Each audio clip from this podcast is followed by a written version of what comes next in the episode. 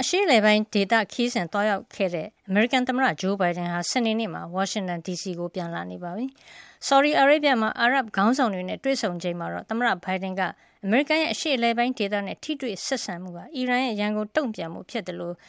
ဒေသရင်း တရုတ်နဲ့ ရုရှားတို့ရဲ့ မဟာဗျူဟာရရှင်ပြိုင်မှုမှာလည်း အမေရိကန်ဩဇာပြန်ပြီးကြီးလာအောင် လုပ်လာမှာဖြစ်ကြောင်း ပြောပါတယ်။ဒါ့အပြင် The United States is invested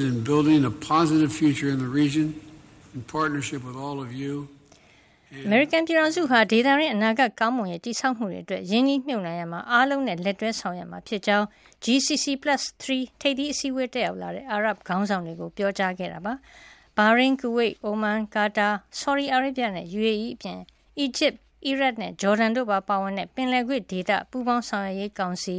GCC+3 ထိပ်သီးအစည်းအဝေးမှာ သမ္မတဘိုင်ဒန်က ဒေသရင်း တရုတ်၊ရုရှား ဒါမှမဟုတ် အီရန်တို့ အစားဝင်ပြီး ဖြည့်မဲ့ကွက်လပ်ဖြစ်သွားအောင် အမေရိကန်ကထွက်ပေးမှာမဟုတ်ကြောင်းနဲ့အမေရိကန်မူဝါဒနဲ့တက်တက်ကြွကြွဦးဆောင်မှုလုပ်မယ်လို့ပြောပါတယ်။ကမ္ဘာတလွှားကျုံနေရတဲ့စင်ခေါ်မှုတွေကိုတင်ပြခဲ့ပြီးအရှေ့လယ်ပိုင်းဒေသနဲ့အာဖရိကမြောက်ပိုင်းဒေသတွေမှာစားနပ်ရိက္ခာအကူအညီဖြစ်ဒေါ်လာတန်တထောင်ချထားပေးမယ်လို့ပြောပါတယ်။တရုတ်ရဲ့ကမ္ဘာလန်းစီမံကိန်းကိုဒဏ်ပြန်တဲ့အမေရိကန်ရဲ့ကမ္ဘာလုံးဆိုင်ရာအခြေခံအဆောက်အအုံနဲ့ယင်းနှိမ့်မြှုပ်နှံမှုဆိုင်ရာအစီအစဉ်အတွက်အာရပ်ခေါင်းဆောင်တွေကဒေါ်လာ3ဘီလီယံထည့်ဝင်ဖို့ကတိပေးတာကိုလည်းသမ္မတကကြိုဆိုလိုက်ပါတယ်။